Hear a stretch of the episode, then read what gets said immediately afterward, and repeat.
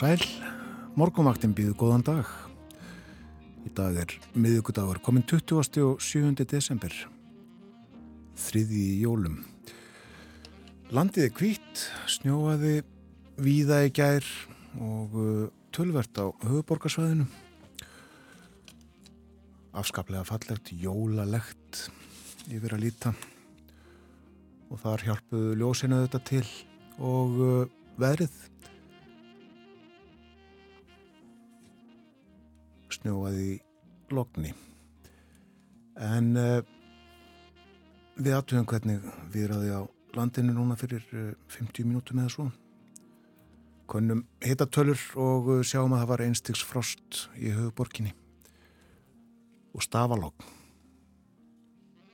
allskíð fjórastega frost á Stafóldsei þryggjastega frost í Stikkishólmi logg þar skíð þryggjastega frost bæði á Patrilsfyrði og í Bólungavík hægur vindur. Einstigsfrost á Holmavík einstigsfrost líka á Blönduósi. Hiti við frostmark við söðunarsvita tveggjastega hiti á Akureyri. Suðaustan þrýr metrar á sekundu þar. Tværgráður líka á Húsavík og Nánastlokn og einstigs hiti á Rauvarhöfn 5 metrar á sekundu þar.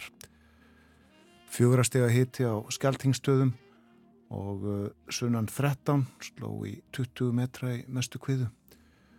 Tveggjastega hitti á eilstöðum allskíð, fjóra gráður bæði á höfni Hortnafyrði og á Kvískerjum og einstegs hitti á Kirkjubæðaklaustri, þrjár gráður á Stórhauða í Vestmanniðum, hitti við frostmarki Árnesi og vægt frost á Hálendinu, þetta tveggja, þryggja og fjórastega frost eitthvað svo liðs. En Eirún, þú ert með horfur dagsins. Já, það verður verður suðaustan 8 til 15 metrar á sekundu um landið austanvert en hægari norrlega átt vestan til. Gengur í norðaustan 8 til 15 um landið vestanvert í dag en 10 til 18 þar í kvöld.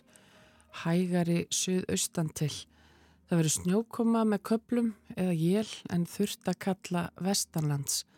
Yfirleitt frostlaust við söður og austurströndina en frost annars á bylunu 0 til 10 stygg og kaldast inn til landsins. Það verður norðlega átt 3 til 13 metrar á sekundu á morgun, kvassast vestan til, dáli til jél um landið norðanvert og suðurlandi en yfirleitt þurft annar staðar og það er kólnandi veður. Og ef við höldum aðeins áfram á 50 dag verður norðaustan 5 til 13 metrar á sekundu og dáli til jél en lengst af bjart með köplum sunnan og vestanlands, frost 0 til 12 gráður, minnst síðst. Og svo förstu dag og lögadag verður hæg norð-austlæg að breytilegt, daldur snjókoma með köplum en úrkomi lítið austan til. Frost víða 1 til 15 stig kaldast austanlands en frostlaust síðst. Og svo er það gamlastagur, sunnudag og þá segir hér á, á veðurstofunar að það veri líklega fremur hæg norð-vestlæg átt og skýja með köplum og úrkomu lítill en dálitil snjókoma suð austalands og talsvert frost. Þannig er það og uh, það er almennt hálka eða hálkublettir á vegum uh, nú eða snjóþekja, uh, krapi jafnvel og uh, þar framöndu guttum. Það er snjóþekja til dæmis á flestum leiðum á Norðurlandi og þæfingsfærð á Siglufjörðavegi og Skagastrandavegi. Hálka eða hálkublettir víðast hvar á Suðvestulandi. En það er þungfært á Fjardarheiði og hálka eða snjóþekja á flestum öðrum leiðum á Östurlandi. Við uh, flytjum frekra tíðindi af uh, ástandinu á þjóðvögunum eftir því sem að skeitin berast frá vegagerðinni. Við setjum nú lag á fónin, leikum runa lag sem við leikum í þættinum í síðustu viku þá og sungið en Hér heyru við Barbru Streisand syngja As Time Go, Goes By.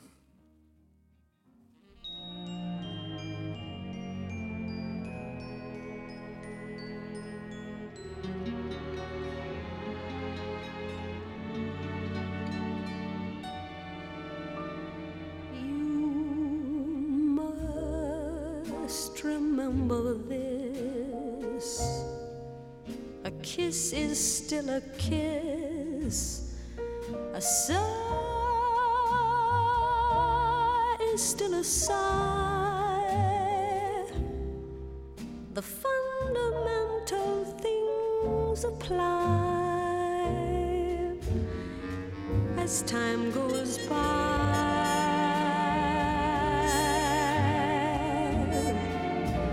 And when two lovers they still say, I love you. On that you can rely. No matter what the future brings, time goes by.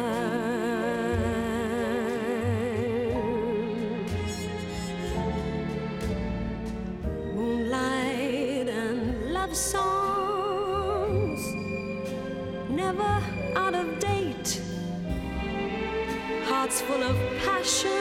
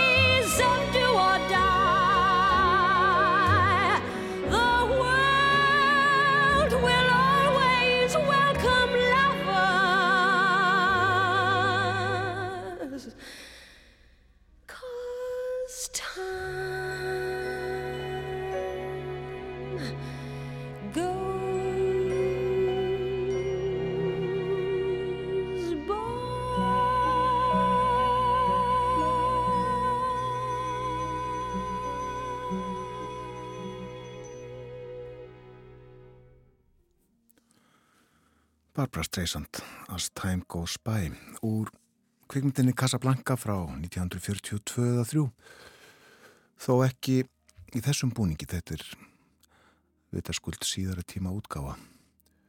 Ætli Barbara hafi ekki fæðist um það leiti sem að Casablanca var frumsýnd. Það líður að fréttum hjá okkur á morgunvaktinni. Við förum yfir dagskrá þáttarins þennan morgunin að fréttum loknum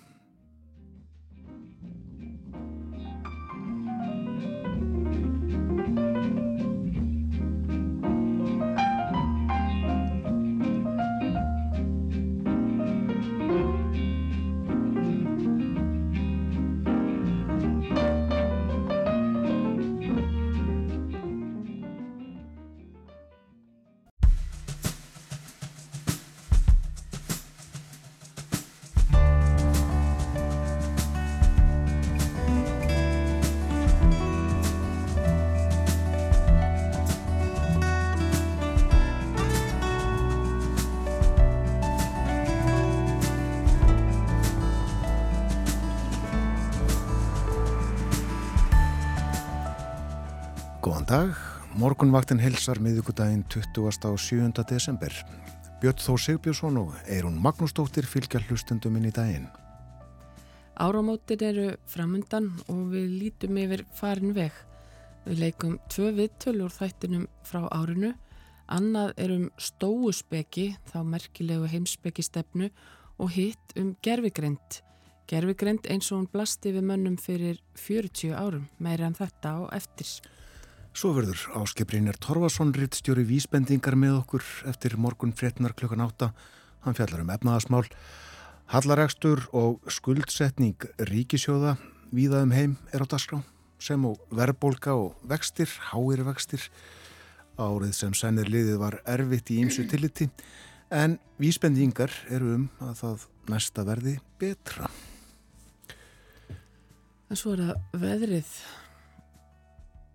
Hér eru hugleðingar veðurfræðings af veðurstofunar og það segir í dag er útlitt fyrir að læðardræðið sem gaf snjóin í gær færist smám saman til vesturs, vesturs um landið sunnanvert og það mingar jamt og þétt. Fyrir norðan verður ofan koma allvíða og í nótt dregur síðan úr ofankominu og morgun fymtudag er að sjá að úrkoman sé orðin ansi lítið, lítill á landinu en á móti herðir frost engum inn til landsins.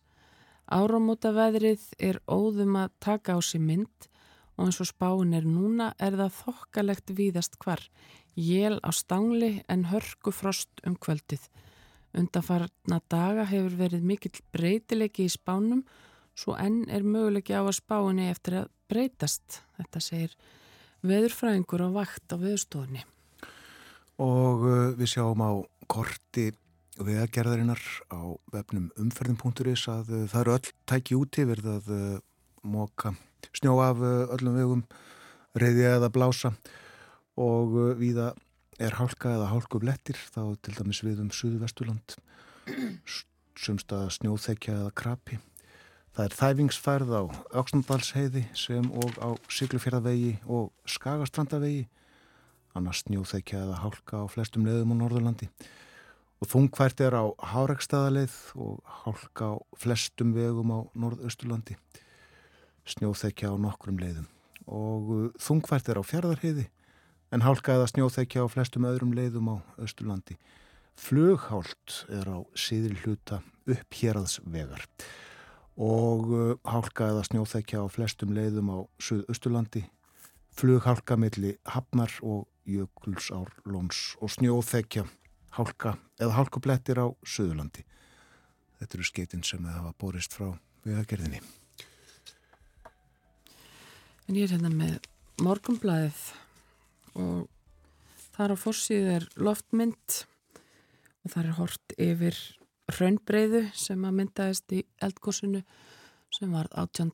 desember síðastliðin og fyrirsögnin er eins og nokkrum dögum fyrir gós og þar segir uh, vísbendingar eru um að eldgós geti brotist út að nýju í kringum áramót nýjustu mælingar veðurstofu frá því á jóladag sína að landris í svartsengi hafði þá náð sumuhæð og mæltist dagana 11. til 12. desember eða 6 til 7 dögum áður en górsbraust út þann 18. desember.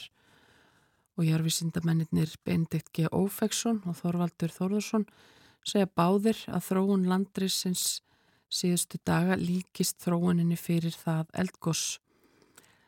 Aspurður segir Þorvaldur að landrisi geti ímist enda með kvikurlaupi eins og var 10. november eða gósi í líkingu við það sem var fyrir mánuðinum. Spurður hvort hann telji líklæra nefnir hann eldgós. Þetta gæti orðið í fyrstu vikunni í janúar bætir hann við. Fannar Jónasson, bæjarstjóri Grindavíkur, segir að ákveðin óvisa sér uppi í ljósi þessa landris. Það er gert ráð fyrir því að staðan veri tekinn núna á milli jóla og nýjós segir Fannar og þá verður bara eftir aðtökum gefin út ný tilkynning frá lauruglustjórunum á Suðunissum um framhaldið. Lauruglustjórun tilkynnti þann 22. desember að grindvikingar mættu halda jól heima og það er talið að e, það hafi verið fólk í kannski 50-60 húsum á aðfokadag í Grindavík og séu svo sem engar nákvæmar tölur til um það. En það er hérna rætt við tvo presta, tvær konur í morgunblæðinu á síðu tvö sem hafa gefið kost á sér í biskupstól. Og þetta eru þær Guðrún Karls Helgudóttir og Helga Sofía Konráðsdóttir. Og Guðrún segir hér sennilega er fátt meira hressandi en að byrja daginn á hlaupi og veðrið var líka eins og best mátti verða þarna rétt fyrir háttegið mildt en svolítið snjókoma. En hún ásamt fleiri hlaupurum tók þátt í kirkjuhlaupinu sem er árlegt árlegur viðburður á annan í jólum. Og Helga Sofía segir segist myndu sinna áfram preststörfum til þess kemur að hún verið kjörin biskup.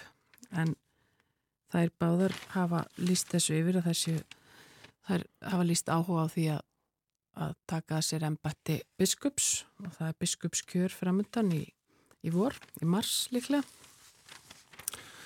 Rétt aðeins að öðru, fólk tekið að streyma til landsins á nýj eftir jólinn von á 69 flugveilum í dag þegar nokkra lendar þar sem að uh, komi frá bandaríkjunum og Kanada snemma í morgun. 58 velar komi í gær en uh, 19 á jóladag og uh, já, svo held ég að sé vona á, á þetta 60, 70, 80 flugveilum eitthvað svo leiðis næstu daga. Dákur og hópur fólk sem að eh, kýsa að koma til Íslands og verja hér áramótonum. Já. En fyrir á árunu voru liðin 50 ár frá fundi Forsetabandaríkjana og Fraklands á kjárvalstöðum í Reykjavík og við reyðjum þann viðbröð upp í mæ. Það var tilkynnt í fjölmjölum í byrjun mæ 1973 að tæpum fjórum vikum síðar myndu þeir uh, George Pompidou og Richard Nixon hittast á Íslandi. Og ríkistjórnin hæði þá fallist á Ósk fósettana um að taka á mótiðin. Bólalengingar hófust um heppilegan fundastað. Það var rætt um höfni Hortnafyrði og Bifröst í Borgafyrði og Hótelsögu í Reykjavík sangant frettum frá þenn tíma. Áður en staðnæmst var við kjarvalstaði á Miklatúni sem að þá var nýbúið að taka í gagni með viðhöfn. Þeir tóttu heppilegir ekki síst þar sem aðstæður til örgiskeslu þóttu góðar. En þá voru þarna í mæ 1973 2,5 ár síðan fórsetarnir hittust síðast og þá var fundastæðurinn hinnar portugalsku Azor-eigar í Allandshafi og enn töldu þeir rétt að hittast á hlutlösu svæði í Allandshafi en færiðu sér núna talsvert í norður og til Íslands. Og fórsetarnir hafðu margt að ræða, öryggis og varnamáli í Evrópu voru helsta mál á dagskrá en frakkar óttuðust að bandaríkjaman ætluði að draga úr herablasínum í álfunni. Nýr Allandshafs sáttmáli var á borðinu Það voru hugmyndi bandrækjumanna um skipan öryggismála. Efnahagsmál og gjaldriskipti þurfti líka að ræða en frakkar töldu gildandi fyrirkomulag að var óhagstætt fyrir frakkar sem að skipta þurftu fröngum í dali og fjármálar á þeirrar ríkjana voru í sendinemdum fósettana. Og ástandið almennt í heiminu var líka á daskra og þá ekki síst staðamála í Vietnam og Kambodíu. En það þurfti að grípa til margvíslegra ráðstafana hér á landi svo fundurinn geti farið fram. Fjarskipta tengingar landsins bæði í austur og vestur voru eldar eh, svo erlendir bladamenn getu komið tíðindum af fundinum í fjölmila sína.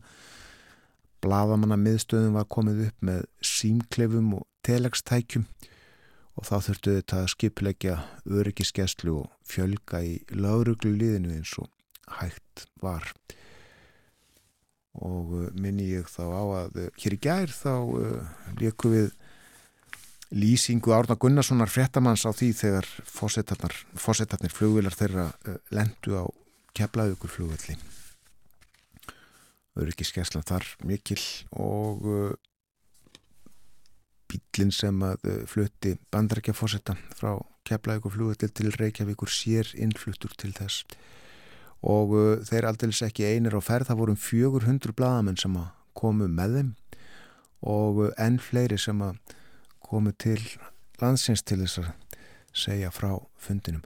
Þetta var auðvitað heims viðburður og uh, þótt Ísland hefði ekki oft í sögunni verið vettvangur alþjóðlegra stór viðburða þá vildi nú þannig til að tæpu ári fyrr hafði einmitt stór viðburður farið hér fram heimsmeistra einvið í skák, einvið í aldarinnar, einvið í Fissers og Spaskis það fór fram sumarið áður. Það hafði því skapast hér nokkur reynsla í umsjón og skipulagningu og móttöku fjölda fólks og þá ekki síst erlendra bladamanna. Og það er líka uh, nokkuð aðtiklisvert að fá einum vikum fyrir fundin á kjærvalstuðum þá kom Kurt Waldheim í saminuðu þjóðana í Sólarhings heimsók til Íslands. Hann heimsótti öll Norðurlöndin í mæmánuði þetta ár 1973.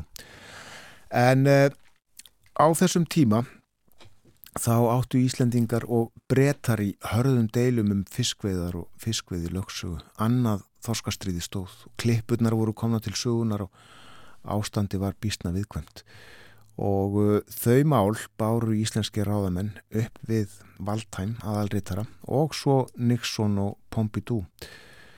Já, fórsetarnir rættu við uh, fórseta Íslands, Kristján Eldjón, Ólaf Jóhannesson fórsetarsáþra og Einar Ágússon utarrikissáþra gerðu það í stjórnurháshúsinu og uh, á dagskrá bæði íslensk málefni og þá sérstaklega fiskviði deilan og uh, það var líka rætt um heimsbálinn og þetta var gert sem sagt áður en stórvelda leðtóðarnir hófi sína fundi á kjærvalstuðum.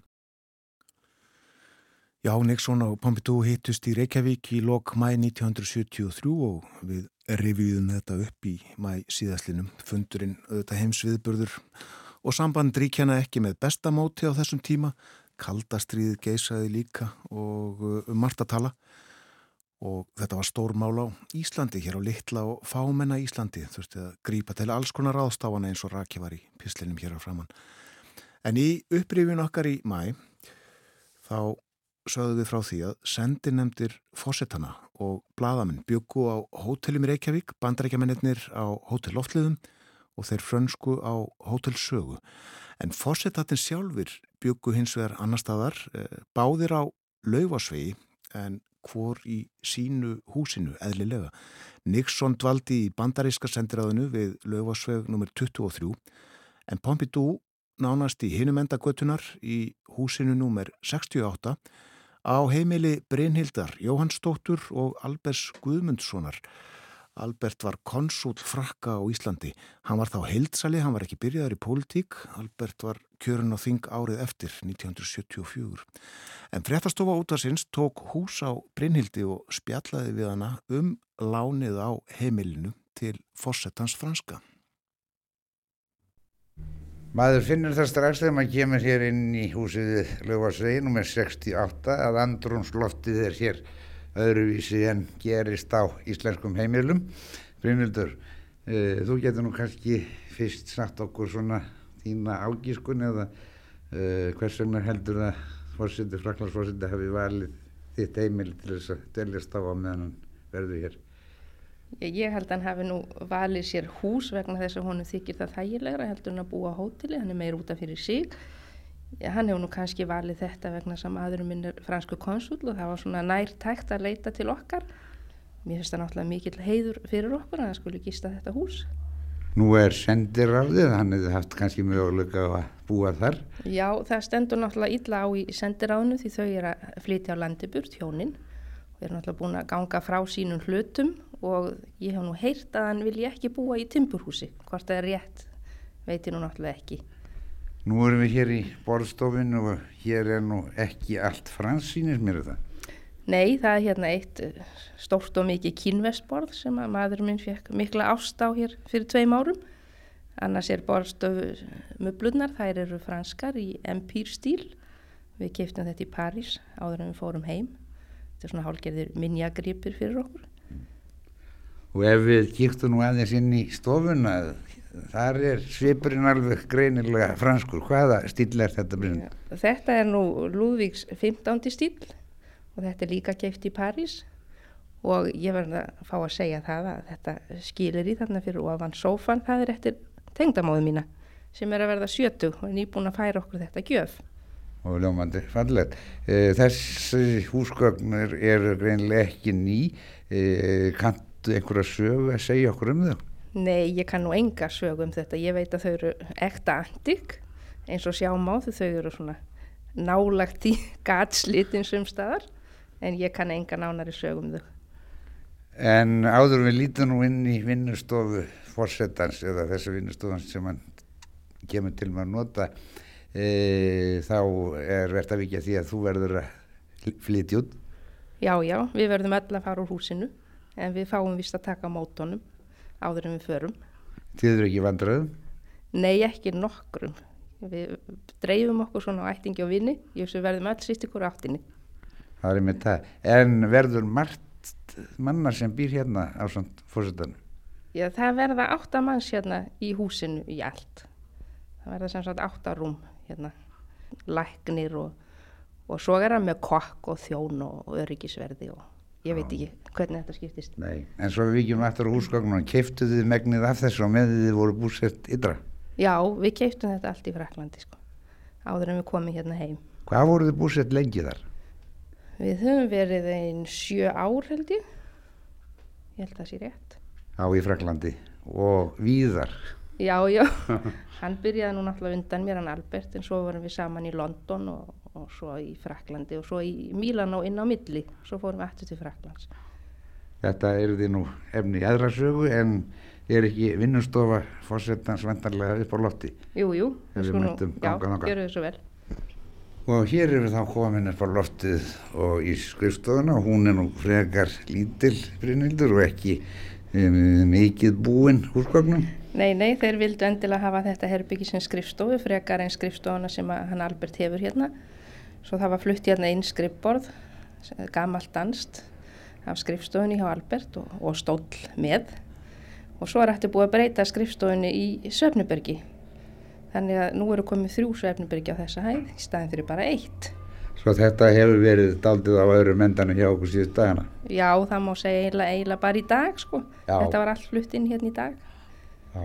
E, er það nokkuð sérstakt uh, af húsmunum sem fórsetin flytur með sér? Nei, hann flytur ekkert svoleiðis með sér. Nei. Ég sé að hér er lítið bókasafn. Er þetta franska bækur? Já, það er mikið af þessu franska bækur, mikið af þessu gamla franska bækur og svo er náttúrulega víðar að, en við eigum heilmikið af franskum bókum. E, nú ertu mikið ljóðakona, lertu fransk ljóð Já, pínulítið sko, en ekki nóg. en hefur ánægja. Já, já, mjög gaman. Þetta var Brynhildur Jóhansdóttir sem að lánaði Fraklands fórsetta húsi sitt á Laufasvegi 68. Þetta var 1973. Og 35 árum síðar varð Karla Brúni fórsetta frú. Skulum hlusta á hann að syngja.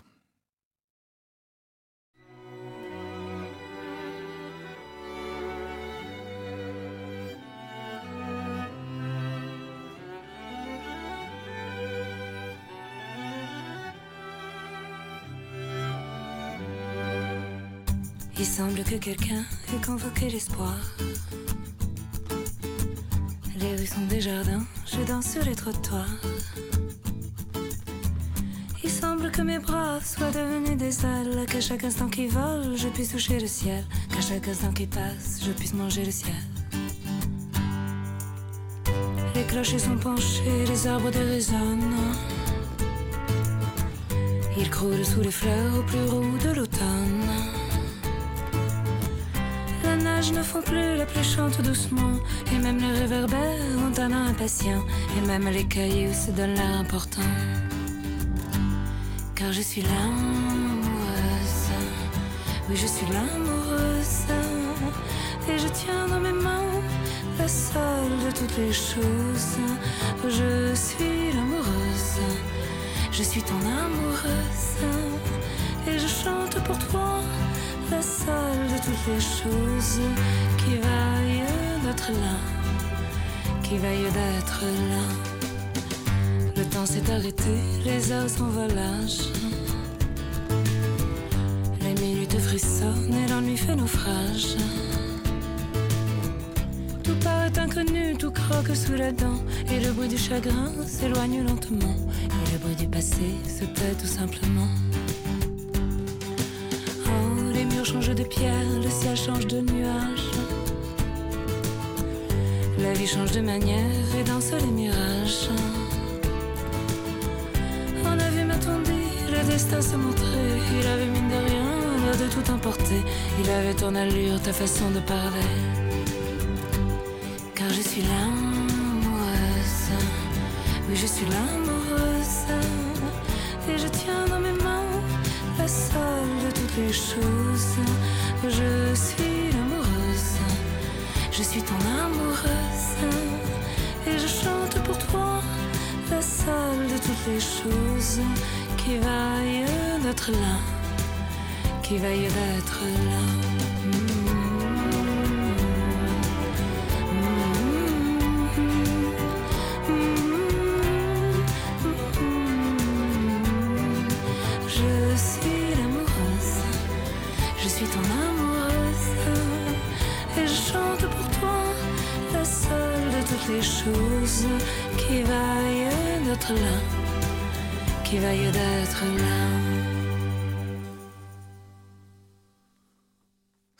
Karla Brúni og uh, lægið um elskugan.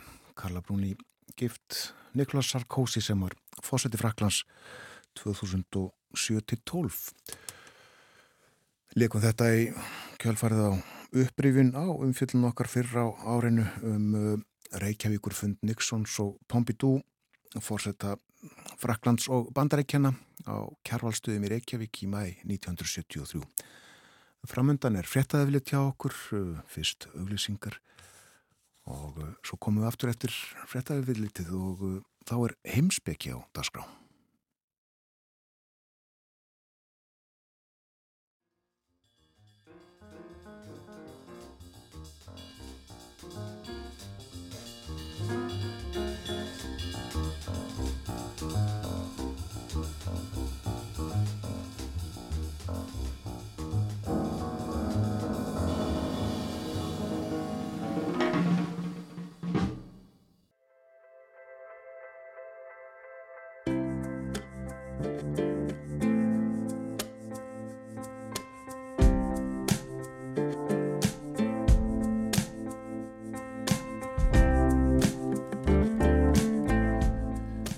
Sæl á ný til að hlusta á morgunvaktina á rás 1.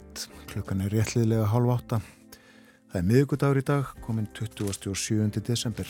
Umsjónamenn þáttarins í dag, Björn Þó Sigbjörnsson og Eirún Magnúsdóttir. Og ég mislegt framöndan bæði nýtt og gamalt við endurleikum hér uh, við töl frá árinu. Við gerum þetta stundum uh, svona í aðdraðanda áramóta. En uh, meirum það á eftir höfum yfir veðurspá dagsins Hún er svóljóðandi suðustan 8 til 15 metrar á sekundu um landið austanvert, hægari norrlæg átt vestan til, en gengur í norðaustan 8 til 15 um landið vestanvert í dag og hversi svo enn frekar í kvöld, 10 til 18 í kvöld, en hægari vindur þá suðaustan til. Og snjókoma með köplum eða jél en þurft að kalla vestanlands. Yfirleitt frostlöst við suður og austuströndina en frost annars 0 til 10 stíg og það verður kaldast inn til landsins. Og uh, það er leiðinda færð sumstaðar á landinu og raunar nokkuð víða, til dæmis uh, þæfingsfærð víða á Vesturlandi og raunar ófært millir búða og hellna sem stendur og þungfært eða ófært víða í uppsveitum borgafjörðar. Almennt hálka eða snjóþekja á vestfjörðum og það er þæfingsfærð á Öksnadalsheiði og víðar á Norðurlandi og þungfært á Háregstaðaleið og hálka annar staðar á Norðausturlandi og þungfært er á Fjardarheiði, hálka eða snjóþekja á flestum öðrum leiðum á Östurlandi. Þæfingsfærð á Breiðamerkursandi, flughálka milli Hafnar og Jökulsárlóns og flughálka einni milli Markarfljóts og Kvolsvallar. Svona er ástandið á vegunum. Ég minni á að Áskiprinjar Torfarsson, reittstjóri vísbendingar verður með okkur eftir morgun fréttinar klukkan átta. Við viljum að tala um Erlend efnahagsmál.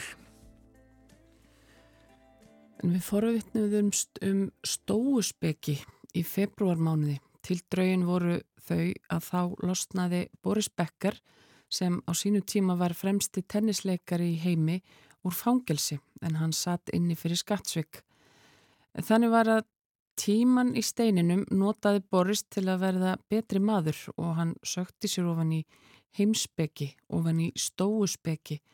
Artur Björgvin Bodlason saði morgunvaktinni frá þessu í Berlínar spjalli og í kjölfarið kom Svavar Hrafn Svavarsson, professor í heimsbyggi við Háskóli Íslands í þáttinn til að segja okkur frá stóuspekinni, frá sögu hennar og intæki. Við þekkjum öll hérna stóísku ró en kannski minna um upphaf stóuspekki, intækið, útbreyðslu og svo framvegis. En Svavar Rapp Svavarsson, professor í heimsbyggi, er komin á morgunvaktana velkomin. Já, takk fyrir. Og uh, hann að fara yfir fræðin svona eins og hægt er á 15 mínútum eða svo Svavar, byrjum á byrjuninni. Við förum hvað 20 eitthvað aldrei aftur í tíman ekki satt? Jú, og við myndum vera stödd í aðþennu, svona í kringum aldamótin 300 fyrir Krist. Þá er þetta frægasta skeið í heimsbygginni nýliðið, það er að segja tími Platons og Aristotelesar og, og gríski heimurinn að breyta svolítið mikið eftir landvinninga Aleksandrs Mikla. En í eh, aðþennu eru þá stopnaðir skólar sem að gætnan eru kallaðir hellenískir skólar. Það er Epikúros með Epikúrismann sem verður öflugur skóli en, en líka Stóan, Stóuspekin. Og það er hins byggingur að nafni Zenon sem stoppsetur þennan skóla og, og, og, og þar taka við skólastjórar hver af öðrum, frægustur kannski Krisiposs uh, og frá þessum tíma, þessu elsta skeiði stóðspekinar, þá heldur hún áfram alveg svona fram að og á þriðjöld eftir Krist. Þannig að þetta eru rómar kannski fimm aldir þar sem stóðspeikin er mjög aflug. En síðan hverfur hún og, og lítur í næra haldi fyrir annars konar hugsunum og þá einhverjum innan heimsbygginar platonisma og ný platonisma sem dukkar upp þarna á kristnum tíma. Já. Og hvert er helsta intakið í stóðspeikinni? Já, uh, þessi skólar á þessum tíma á þessum öldunum fyrir Krist uh, eru eilítið frábröðunir einsbeki Platons og Aristotelesar og þeir einkennast allir af því sem við köllum gætan raunhyggju, það er að segja mikilvægi skinjunar til að, til að kynast heiminum og efnisíkju líka, að heimurinn og allt sem í húnum er er efnislegt. Og hjá stóuspeki er einnig að finna þessa hugmyndum órófa orsaka samhengi allara hluta. Þannig að þeir voru í raunni örlega hyggjumenn eða nauð hyggjumenn og, og þess vegna meðar annars trúðu þeir ekki því að við værum frjáls í þeim skýningi að við gætum hafa gert eitthvað annað en það sem við gerðum.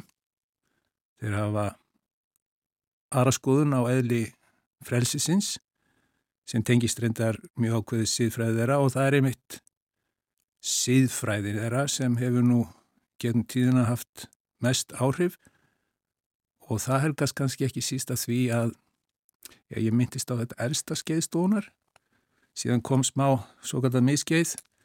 Frá þessum tímum eigum við lítið af textum. Það er eigin allt horfið. En, en loka skeiðið þarna frá fyrstöld fyrir Kristu áfram sem stundum við kallu rómversk stóðspeki þá hefur stóðspeki náð fótfestu í Rómaveldi á meðal rómverina sjálfra svo mjög að, að mjög margir stjórnmáramenn og aðdannamenn í Rómaveldi voru stóðumenn og þetta nær ámarki með sjálfum keisaranum Markusi Árelíusi á annar öldu eftir Krist sem var frægur stóðumæður og að auki eigum við dörfvert af rítum eftir þessa rómversku stóðumenn, eftir Markus Árelíus eftir Seneca og, og, og fleiri. Uh, þannig og, og það sem það sem heitlaði Rómverja var var siðfræðin. Og það sem heitlaði Boris Becker vantanega var líka siðfræðin. Vegna þess eins og þú gafst í skinn þá hefur stóðsbyggin séð já, svona ákveðina hefur, hefur komið aftur núna á síðustu kannski áratugum uh, sem síðfræðikenning þó að fæstir myndu dýringa sér stóiska fremspeki eða eðlisfræði eða annað slikt. En gætti e, stóispekinar í orðum og aðtöfnum manna á þessum tímum eða, eða var þetta eitthvað sem aðeins veldu fyrir sér eftir vinnu ef svo maður segja? Livðu þeir eftir þessu? Já, já, það var hugmyndin vegna þess að einsbyggi á þessum tíma, sérstaklega á þessum helliníska tíma, hafði þennan, já, kost umfram til dæmis einsbyggi síðari tíma eða okkar tíma að, að hún var ekki einangruð frá lífun og hún átti að, að, að vera lífsmáti svo kallaður og, og, og þetta byrtist mjög skýrt í, í stóðsbygginni Þannig að all hefðurmanns átt að taka mið af kenningunni. Þess vegna skipti siðfræðistofumana svona miklu máli fyrir þá sem aðhyltust stóðsbyggi. En hún var mjög ströng þessi siðfræði og já, ég myndist á þetta með frelsið.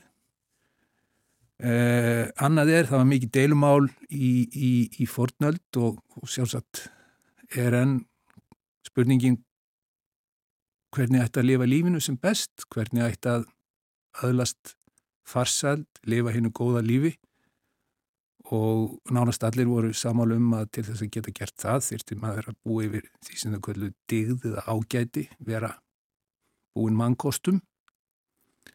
Uh, frægasta hugmyndinu þetta er, er hjá Aristotelesi sem segir að þetta sé langsamlega mikilvægast í þátturinn en hann vil þó meina að án ákveðina ytri gæða uh, getur maður ekki öðlast þess að farsald eða verið verið farsald, hvorki orðið það til þess þurfu ákveðu uppeldi nýja við haldið farsald til þess þurfu ákveðin grunn.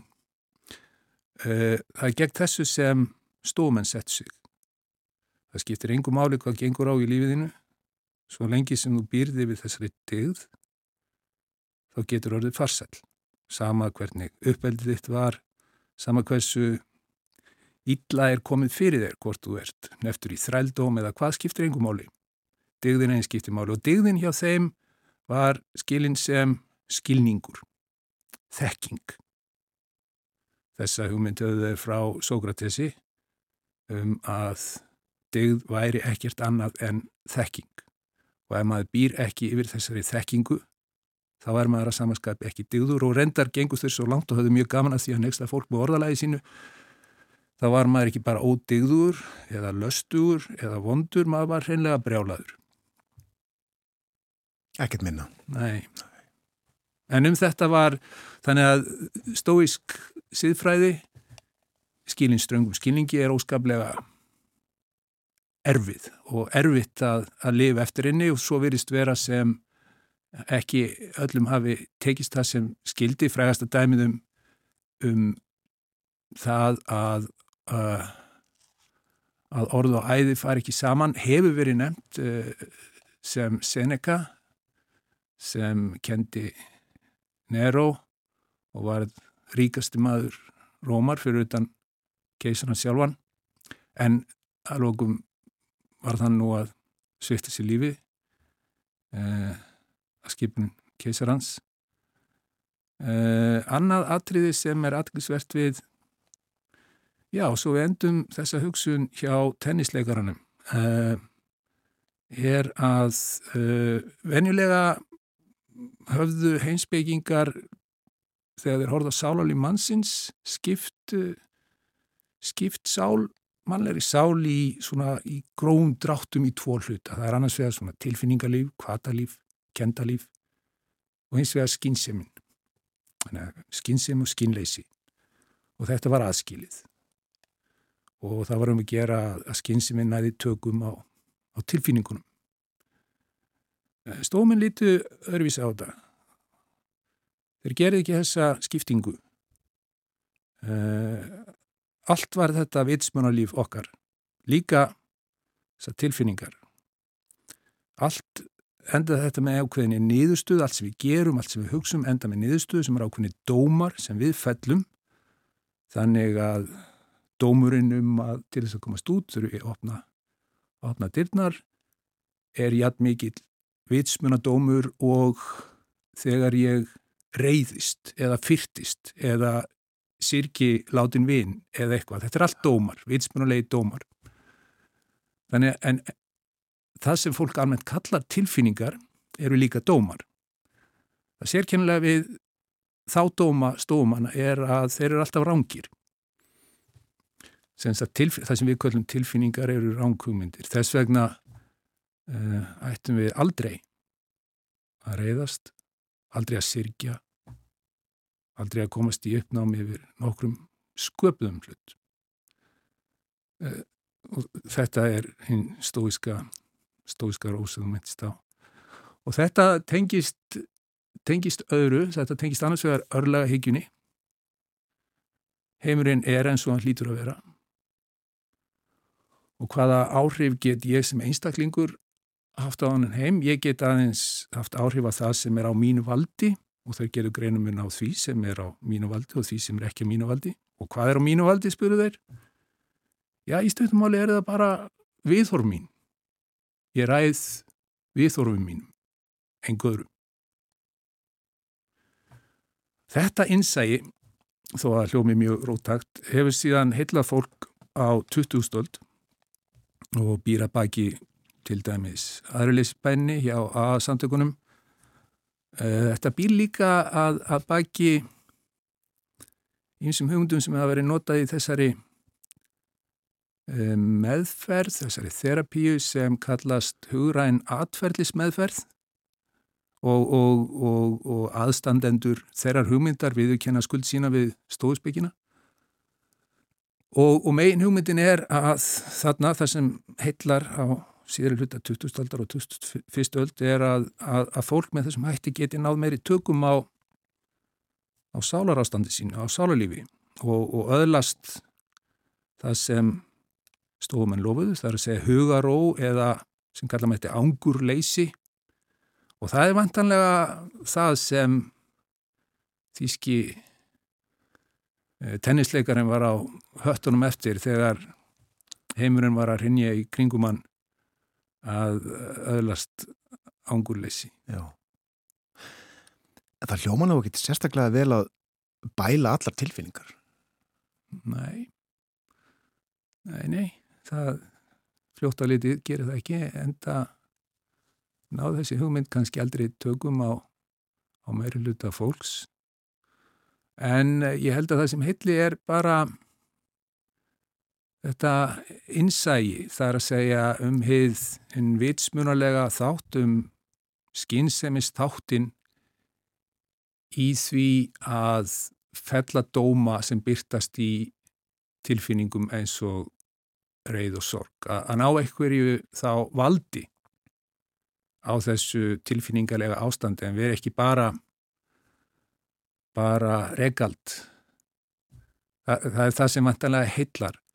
Og, og síðan er það hugmyndin reiknaði með um, um þetta ángurleysi sem fólk á Vesturlöndum hefur leitað lengi, það hefur gert það í gegnum ímsar svona æfingar eins og hugleðslu og annað slikt og, og það hafa verið færður aukverið því að, að stóamenn hafi bóðið upp á ímislegt svipað, hugleðslu þó að grunnhugmyndin þar sé svolítið öðruvíð sem til dæmis í, í þessari svo kalluðu núvitund, núvitundarstefnu eða, eða bútisma og eina allt öðruvísi en eiga síður hefur þetta, þetta heila svolítið. Serðu stóðspekina viða meðal fólks í dag? Eh, nei, ég venn nú ekki mikið var við stóðspekina, ég venn nú kannski ekki mikið var við það að almennt að fólk sé að hafa lífið sín í samræðum við heimsbyggistefnur eða siðfræði kenningar en, en það tilengar sér sitt siðfræði og, og pæli síðan kannski í kenningunum út frá því. Hins vegar verði ég mjög varfið það að áhugi fólks á jákvæðum áhrifum stóðspekinar uh, hefur aukist. Uh, en það er ekki beint sko held ég uh, siðfræðilegur áhugi. Það er áhugi á því að, að ná tökum á eigin lífi, að nota stóðspekina sem eins konar meðferð til að öðlast þetta angurleysi eh, sem er svolítið, svolítið annað en, en, en, að, en að pæla í, í siðferðinu sjálfu.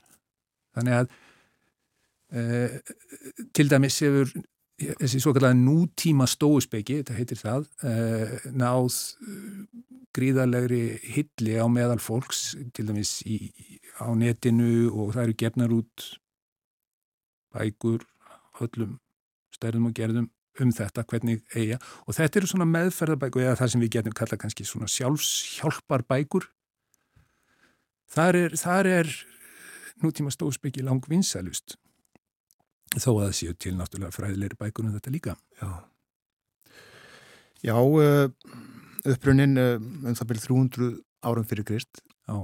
og uh, þá höfðu komið fram þegar ímsar aðrar kenningar og, og kerfi ef svo má segja er fólk ennað búa til eitthvað á borð við stóuspekki? Nei, ég held að sjá að segja það að þessi kerfi þessar stóru stefnur það er ekki lengur á innan einsbygginar miskusti á, á bóðstólum en og, og kannski minnast á, á það við, við getum svona nexst af ákveðinni sín einsbyggilegri sín á ákveðina hluti og tilengað okkur tiltekna einsbyggilega aðferð, reyfist að því og annað slíkt og kallaði okkur þá eitthvað í samræmi við það. En, en þannig í Greiklandi til forna voru þetta hreinlega stopnarnir. Þannig að þetta var aðeins meir en stefna.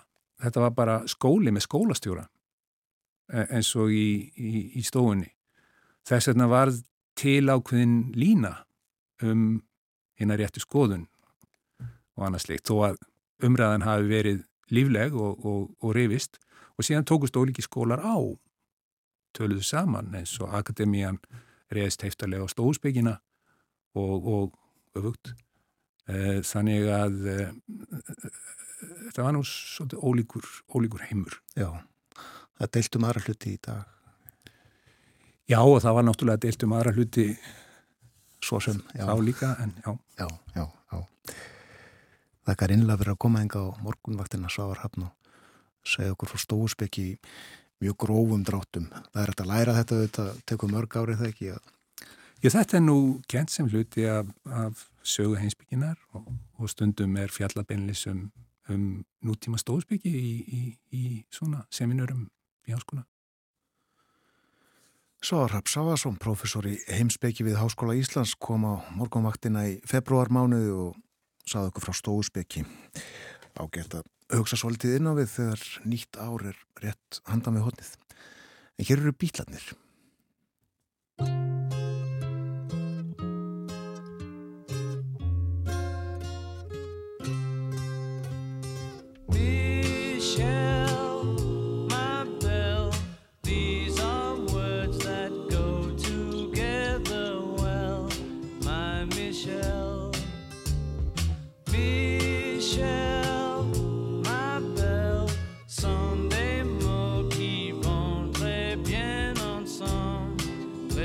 on some. I love you, I love you, I love you. That's all I want to say until I.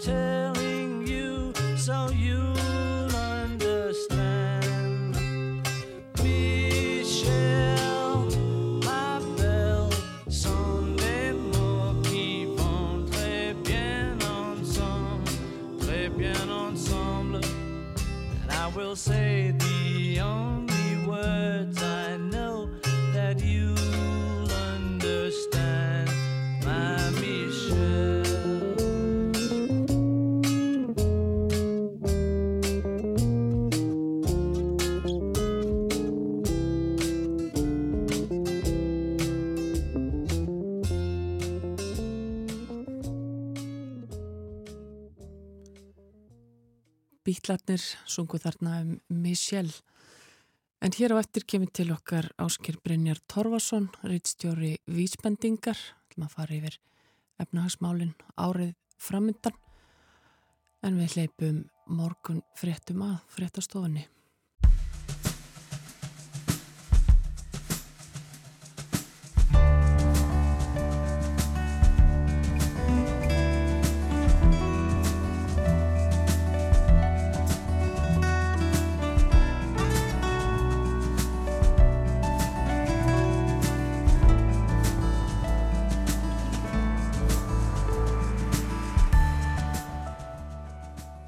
Sæl á ný, þetta er morgunvaktin á rás 1, klukkan farin að ganga nýju, það er miðugudagur í dag 27. desember.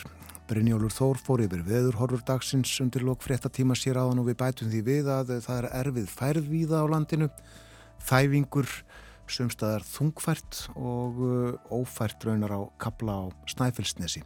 En uh, við sjáum ekki betur en að uh, allar ítur séu úti. Við gæti á að hér eftir fréttaðefrið klukkan hálf nýju þá endur leiku við viðtalsam við áttum fyrra á árinu um gerfigreind gerfigreind er eitt af stóru málunum á þessu ári.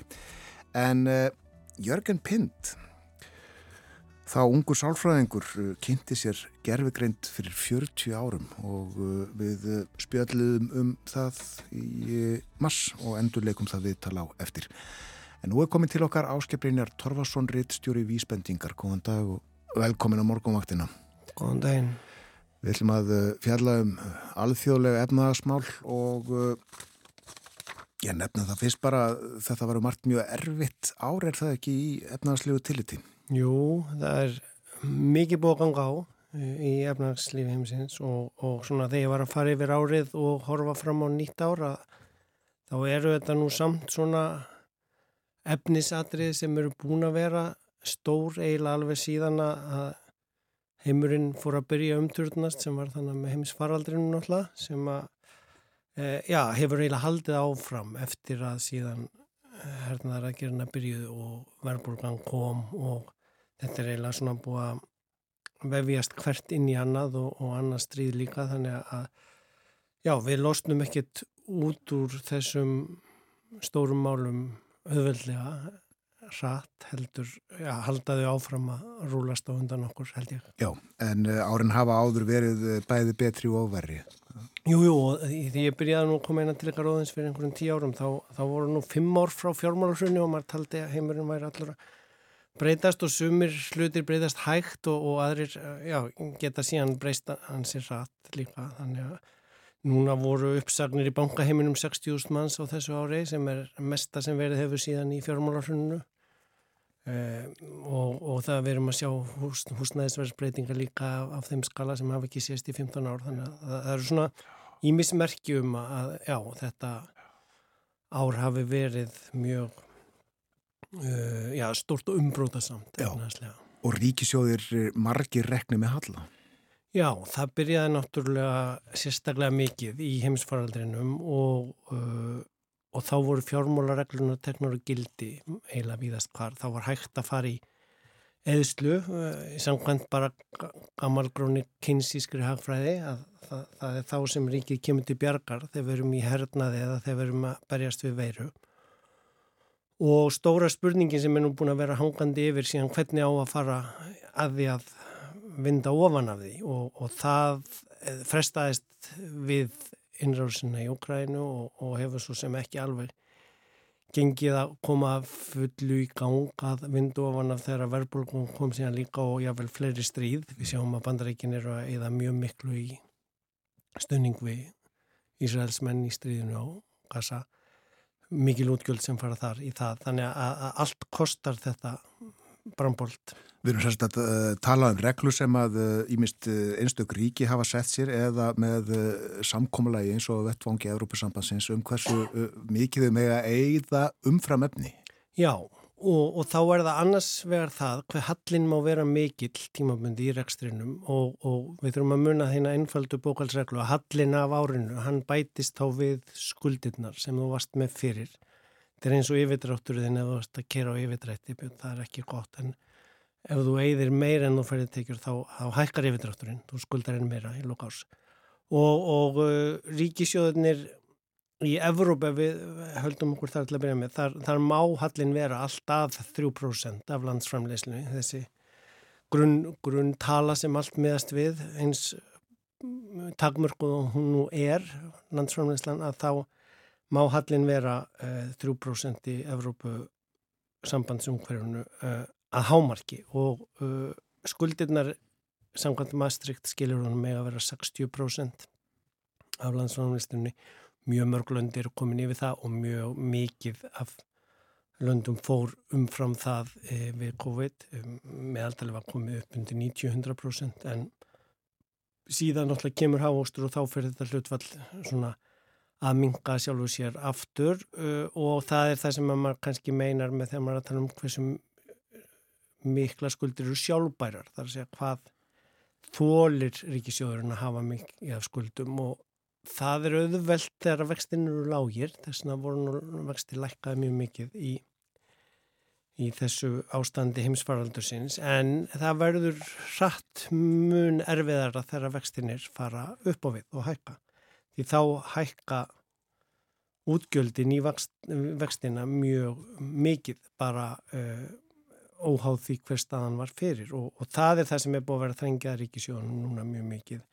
Uh, og það hefur frestaði að þessar reglur hafa verið settar í virkni að nýju. Það er að taka gildi í Evropasamtönu í upphaf þess árs. Því að frestað til uh, upphafs nýs ás og þess vegna var mikið svona já, beðið eftir hvort það næðist niðurstaða fyrir áramótið eða fyrir jól og það kom þannig að þreymundum fyrir þorlák hvítur reykur út úr, strómpinum eins og þeir skrifuði í Financial Times með vísun í, í ég held að sé kirkjun í Trento þegar að verða að velja páfa.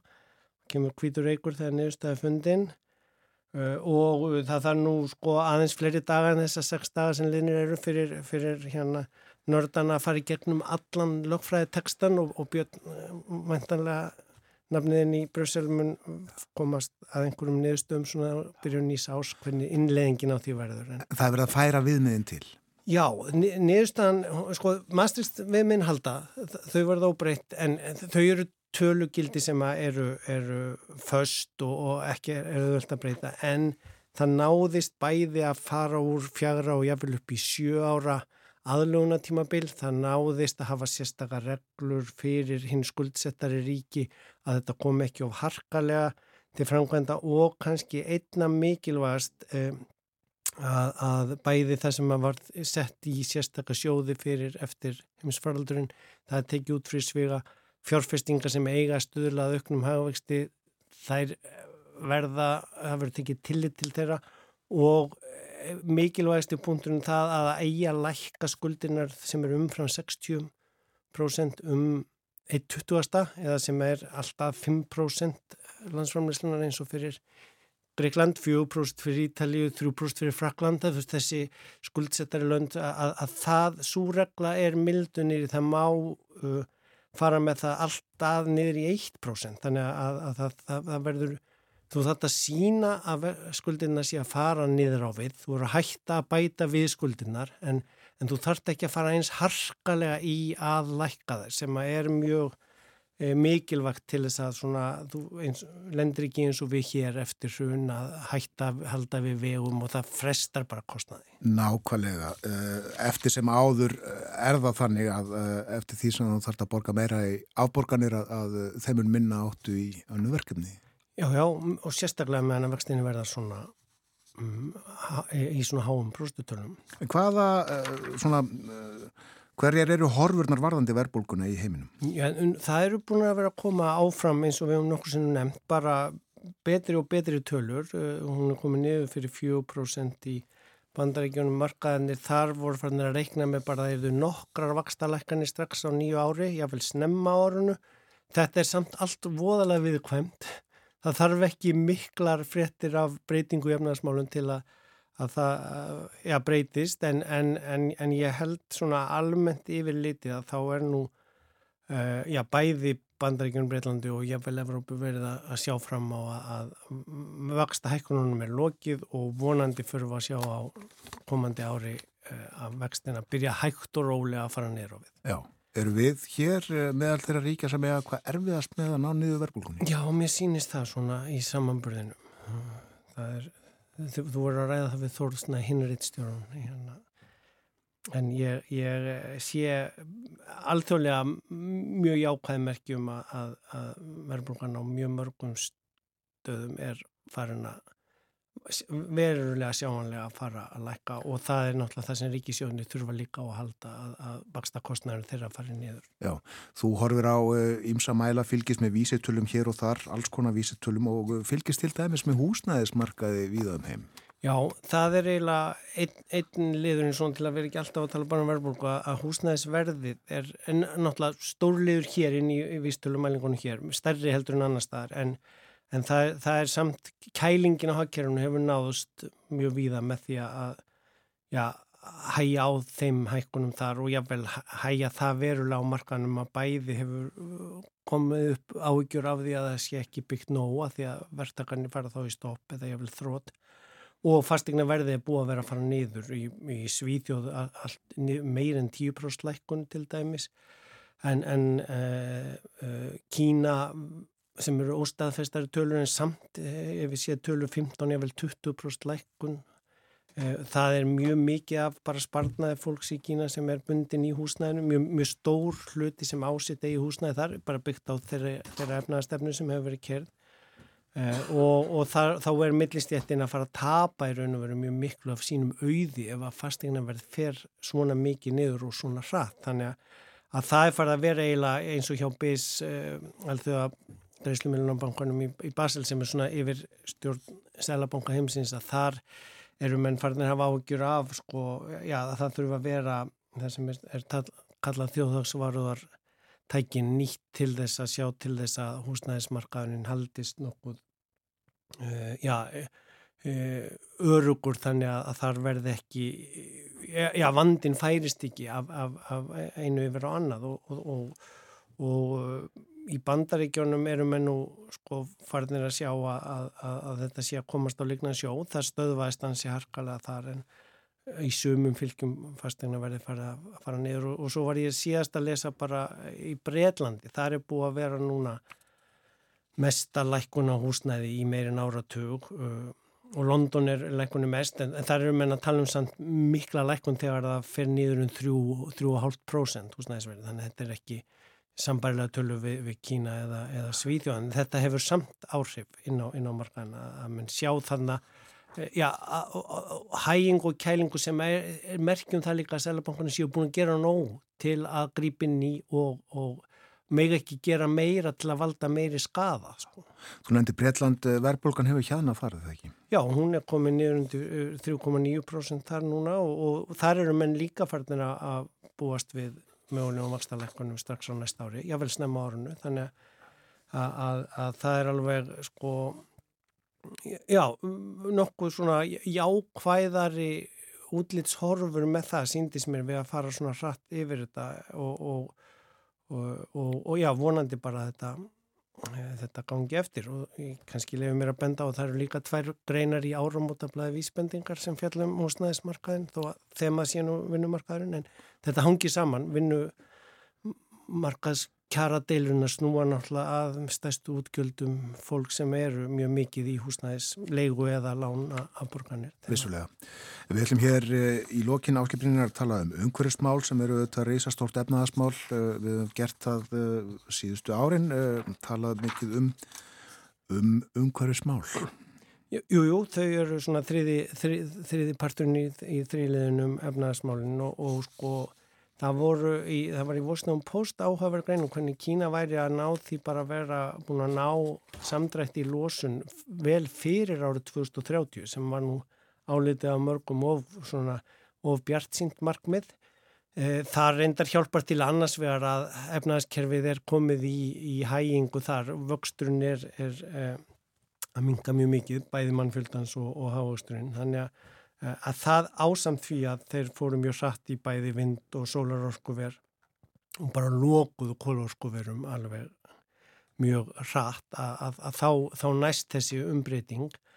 Eh, en á móti kemur kannski að, að það er þessi mm, já, rafvæðing og, og rafbílavæðingin og þá batteríin í það sem við höfum nú aðeins minnst á áður að, að það var áframhaldandi umræðum um batteríframleysluna við rættum um vesmiðin í Norðursvíþjóð en, en nú er sko verið að tala um að Evrópa í heilsja verði vandraði með aðfung í batteri framleysluna sína vegna þess að jável það sem Biden gerði með það sem hétt Inflation Reduction Act það sé að verðbólgu minkunarlögjöfin sem var nú allra áliti tali vera svona dölbúið grænvæðingar eh, pakki að þar er, er já, svo vel gert við þá sem vilja koma til bandaríkjana með eh, já, rafbílavæðingu og batteriframleyslu og fleira þess áttar að eh, alþjóðlega fyrirtæki vilja frekar setja upp verksmiður þar heldur en í Evrópu og þar með verður ja,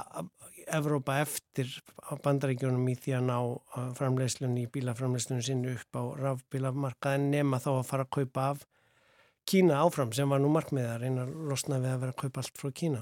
En þarna eiga sem sagt bandaríkin og uh, Evrópuríki í harðri sankefni? Já, um ríkistyrki til að fá til sín viðskipti í að búa til batteri í samkefni við kynverjana sem að síðan, já, síðasta fréttin um þetta snýrst að því að kynversk fyrirtæki væri að koma í fjárfestinga bæði í Norðu Svíþjóð og í Norðu Finnlandi til þess að búa til þetta grafít sem er svona blíjandaefni sem er notað í búa til batterín og, og já, mikilvægt tráöfni til að, að ná að búa til nógu mikið batteríum til að geta gert nógu marga ramaspíla og til að ná að skipta þeim öllum út fyrir 2030 eitthvað. En, en, en þetta er svona kannski bara eitt lítið dæmisu og efni um hvernig umbyltingin í viðskiptalífunu og efnaðskerfi heimsins er að verða bæði frá því að fara frá ólju og díselbílum yfir í batteri og ramagsbíla sem eitt dæmi en líka hvernig já, hinn hin kapitalísku rík eru farin að vera með ríkistyrki í stildekna framlegslur og síðan hinn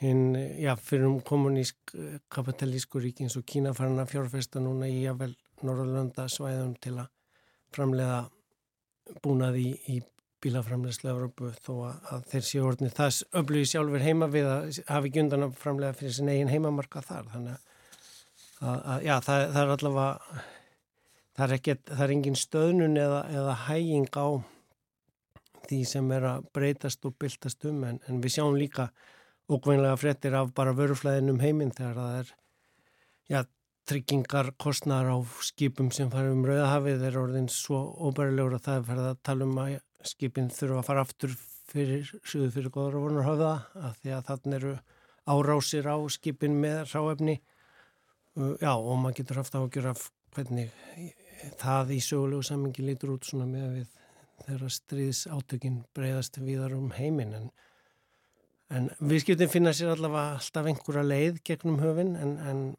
kostnæðurinn gæti farið upp við það ef að þessi stríðsaukstur fyrir ekki að draðast saman. Ertu björnsitni eh, núna en fyrir ári?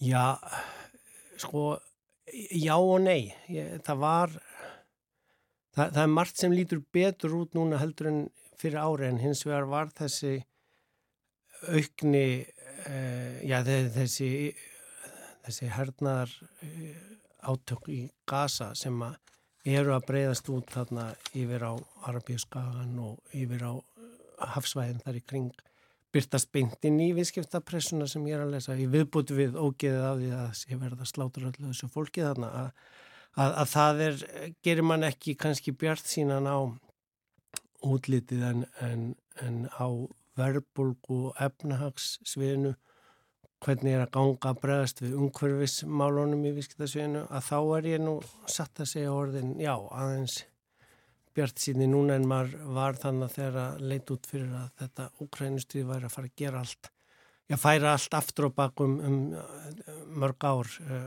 á, á því sviði. En, en auðvitað það stríð er ekki búið heldur þannig að við getum nú ekkert verið sérlega held ég bjart sín fyrir við erum vissum að það sé ekki að byrja þriða heimstyrjöld og að séum að fara að sjá fyrir endan á báðum þessum stríðsátökum og helst öðrum stríðsátökum einni en, en, en, en það er allavega hægt að gera heilmiklar breytingar eins og við lærðum í heimsfaraldri og COVID og eins og við sjáum af þessum já, framleiðslum hvort sem það er á ramarspílum eða bráðankoma ramarsflugvelar og, og tæknin íungannar og, og viðskiptin þau, þau fær okkur möguleika á að umbreyta þjófélaginu þó að það geti stundum tekið á langan tíma þá er líka hægt að gera hlutina satt. Og svona ljúku við spjallið okkar í dag. Þakkaði fyrir að vera með okkur þennan morgunin áskiprinir Torfarsson Drittstjóri Vísbendingar. Takk fyrir mig.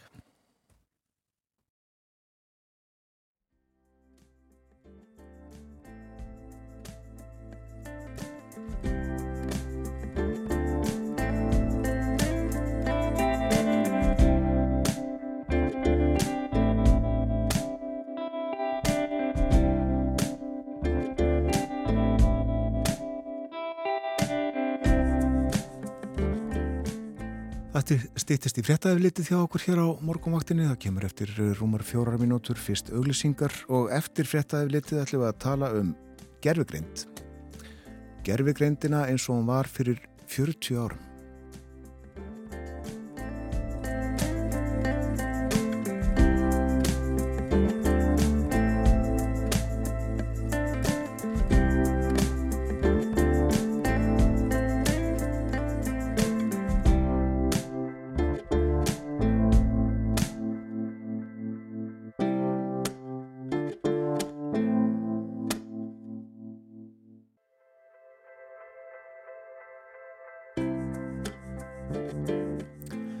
Sæl aftur þetta er morgunvaktin á rás 1, klukka núna réttliðlega hálf nýju. Veðurhorfurnar eru eftirfarandi, suðaustan 8 til 15 metrar á sekundu um landið austanvert en hægari norðlag átt vestan til en gengur í norðaustan 8 til 15 um landið vestanvert í dag og í kvöld verður vindræðin 10 til 18 metrar á sekundu. Hægari þá suðaustan til. Nú snjókoma með köplum eða jél en þurft að kalla Vestarlands og það verður yfirleitt frostlust við suður og austuströndina en frost annars 0 til 10 stig kaldast inn til landsins. En nú endurleikum við viðtal frá því marsmánuði. Þá var mikið fjallað um gerfigreind. Hún var þó ekki glæni þá. Jörgen Pind, þá sálfræðingur, en síðar professor í sálfræði við Háskóla Íslands satt námstefnu um gerfigreind haustið 1982. Það er mikið fjallaðan gerfigreind þessa dagana. Fyrir vikunni var heilmikil fundur á vegum stjórnvalda um máltækni og gerfigreind og í gær var sagt frá því að háskólatin í landinu hafa stofnað vinnuhóp til að bregðast við nótkun spjallmenna og annarar gerfigreindar á háskólastígi og öld gerfigreindar er runnin upp. Þetta var haft eftir Bill Gates í gerðiða fyrir dag. Það má ætla að gerfigreind sé alveg nýtt fyrirbríði og auðvitað er hún það eins og hún er í dag, hún er komin á alveg nýtt stig. En ef leitað er eftir orðinu gerfigreind á tímareitt.is sem er vefsvæði sem að gemir vel flest blöð og tímareitt fyrir ára, já þá kemur ljósað heilmikil umfjöllun varum efnið í tímanum septemberdag nokkur árið 1982 fyrir 41 ári. Spurt var í fyrirsögn geta tölfur orðið jafnokar eða ofjarlar manna og í greininni í tímanum var uh, rætt við Jörgen Pind, sálfræðing, um gerfugreind eða tölvugreind. Hann var þá nýkomin af norrætni námstefnu um hagnýtingu tölva fyrir sálfræði og málfræði í Mulsjö í Svíþjóð. Á námstefnunni komu fram ímsar aðtilsverðar upplýsingar um framvendu tölvutækni á sviði gerfugreindar, saði tíminn. Með gerfugreind er áttu tilraunir til að búa til tölfur sem eru svo greindar að það er geta staðið mönnum jafnfættis eða verið þeim fremri að fást við ímisverkefni sem mannlega vitsmunni þar nú til að leysa. Og það var líka spurt hérna að leysa tölfur geðlækna af hólmi. Jörgen Pindir komin á morgumaktana, velkomin. Já, takk fyrir. Manstu vel þessa námstefni í Svíþjóð? Já, þetta er náttúrulega orðið nokkuð langt síður, síðan þetta var en, en ég man ágæta eftir þessu og hérna Alvar Ellegård sem var prófessor í ennsku við Háskólinni Gautaborg var aðal kallamadur að, að þessum fundi held ég og ásamt fleirum hann Erland Helmqvist og, og, og hérna Fred Karlsson í Helsingi og þarna voru fengnir eh, erlendir fræðimenn ímsir uh, þekktir til þess að fjalla um þetta fyrirbæri, gerfi greint ég man eftir Jórek Vilks sem var sérfræðingur í tölvu þýðingum og var þetta með eh, skemmtilegt erindi. En tölvu þýðinga voru nú ákavlega stutt á vega komnar uh, þarna. Og uh, svo var þarna líka Maggi Bóten, heimsbyggingur og sálfræðingur sem átti að skrifa mjög mikið og allt mjög lofsamlegt um gerfugrind næstu ára tíuna. Já. Þannig að þetta var mjög fróðlegu fundur og, og, og skemmtilegur. Og þú varst kennar í MH, er það ekki á þessum tíma? Jú, ég var það og svo reyndar skömmu síðan þá reyðist þið til orðabokar háskólans og, og fór að halda út um tölvæðinguna þar. Já. Töl... Áður en ég snýri svo aftur í, í sálfræðina í Háskóla Íslands. Já. Já, tölfur voru nú ekki á hverju borði er það þetta 1982 en, en tókst þú tölvunum strax opnum örmum? Já, ég gerði það nú og þær skiptu með miklu máli í, dottorsnáminu, ég hafði nýlóki dottorsprófuna þarna þegar þessi fundur var og uh, það var nú reyndar ekki gerfirgrænt sem við þá söfnum mitt heldur skinnjun og nána til digitalskinnjun og ég notaði tölvunan til þess að mæla málhljóð og, og kanna eiginleika þeirra og síðan til þess að búa til eh, orð og málhljóð í svona tölvutal gerfli. Það var síðan lagt fyrir hlustendur, íslenska hlustendur sem áttu svo að merkja við hvað er hyrðu og svo þurfti að sapna gagnunum saman, vinna úr þessu, reikna tölfræðu svo framvegs og ég samti sjálfur til dæmis eh, tölfræði forritin sem ég notaði til þess að vinna úr þessu. Þannig ég hafði þó nokkuð mikla reynslu þarna af, af tölvunótkun og í háskólanum þar sem ég lærði í, í Englandi, Sussex, uh, þar var mikill áhugi á gerfigreind og, og svona þeim vendingum sem hægt var að hafa til þeirra greinar og tengslum við sálfræði. Já, segð okkur þá aðeins um, um uh, hvað menn hugsuðu um tölfur og, og sálfræði, hagnýtingu tölva fyrir sálfræði. Já, það var hérna Eh, kannski menn voru sérstaklega spendir fyrir eh, rannsóknum sem að þeir bandarækjumenn höfðu gert eh, Alan Newell og Herbert Simon og þeir voru að kanna raukhugsun sem er svo sem gammalt eða þá sefni innan sálfræðinar en það sem þeir gerðu var að þeir lögðu raukþrautir fyrir háskóla stúdenda og fengu þá svo til þess að hugsa upphátt með að þeir verið að leysa þrautirnar og skráðu allt niður í svo kallað hugsana klatta Svo fóru Simon og Newell yfir þessa klatta og reynda að finna út svona strategíur sem stúdendaldi notuðu og forrötuðu svo þessa strategíur í tölvuforröti sem heit General Problem Solver og uh, settu svo, eða lögðu nýjar þrautir fyrir þetta tölvuforröt og báru svo sama við það hvernig stúdendar eh, glýmdu þessa nýju þrautir og það kom í ljós að það var svona samhljómur á milli.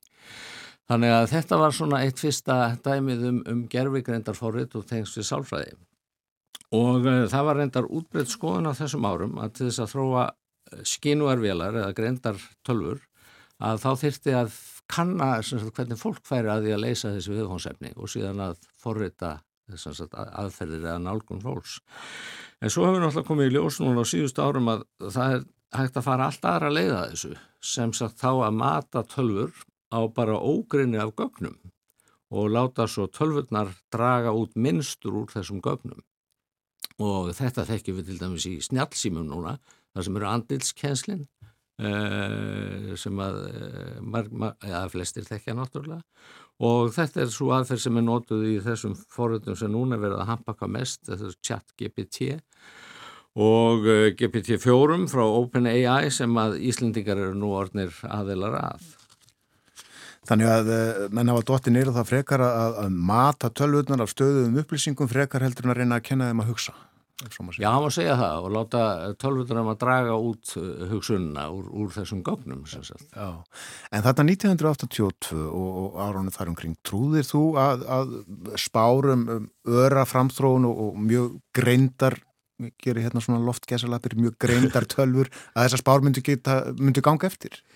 Ég, ég verði að veikana, mér fannst þetta nú spennandi sko en var svona áhörðandi á hlýðalinn ef ég get sagt svo og hafði nú ákveðnar evasemdir og ég get svo sem sagt frá því og Maggi Bóten sem að var á þessum fundi þarna í, í Svíþjóð skrifaði bók eh, sem að heitir The Creative Mind eða hinn skapandi hugur árið 1990 þar sem ég held í fram að allar horfur væru til þess að tölfur geti orðið skapandi í listum, ekki síst í tónlist og myndlist en líka í hérna bókmyndum. Og bókin vakti tölverða aðtegli og var hún tekið til umfjöndunar í þekktu vísindatímariti sem heitir Behavioral and Brain Sciences árið 1994 og þar voru 20 fræði mennfengnir til þess að leggja dóm á bókina. Nú ég skrifaði þar pistil þar sem ég fjallaði um skáldskap á tölfur og hafði miklar efasendur um að tölfur getur orðið skapandi ríðtöndar, til dæmis eins og ljóðskáld sem beittu fyrir sig myndmáli. Og ég tók þarna dæmi úr, þetta var náttúrulega alltaf ennsku, þannig ég tók dæmi úr ástarljóði eftir eh, bandariska ljóðskáldið E.E. Cummings sem aðeins hendar komið í sögu í kvikmynd Woody Allen, hanna og systrunar. Og ljóðina sem ég vitnaði var svona Nobody, not even the rain, has such small hands. Engin ekki einu sinni rikningin, hefur jafn fingerðar hendur. Þetta er hansi sláandi myndlíking og ég hafði ef að sendur upp á tölvu getur galdra á hann slíkan texta. Nú en Mæki Bótin var samt uh, að mörguleiti framsinn kona samanbæra nýlega hefur satt frá forritum sem að uh, hérna geta búið til listaverk eftir skriflegum leifinningum og við getum séð fyrir okkur að við sitjum við Liklabár 12 og sláum inn mynd frá Tingvöllum í Anda Kjárvals eða Áskreims Takk og hefur búið verið að laga forritið að íslenski myndlistarhefða þá myndi renna út úr prentarunum slíkt verk. Já. Hvernig líst þér á, á svona veruleika? Já, þetta er náttúrulega svo sem gaman að þessu en, en hérna uh, ég hef nú, er nú enn þeirra skoðan að skálskapurinn sé handan uh, þessara forrita en, en uh, myndlistin er kannski að vissanhátt struktúriraðri eða mista okkur sé þessi klassíska myndlist og eins tónlist þannig að það er meira hægt að ná fram einhverjum formúlun álgun kannski að, að hérna, þessum hlutum Já.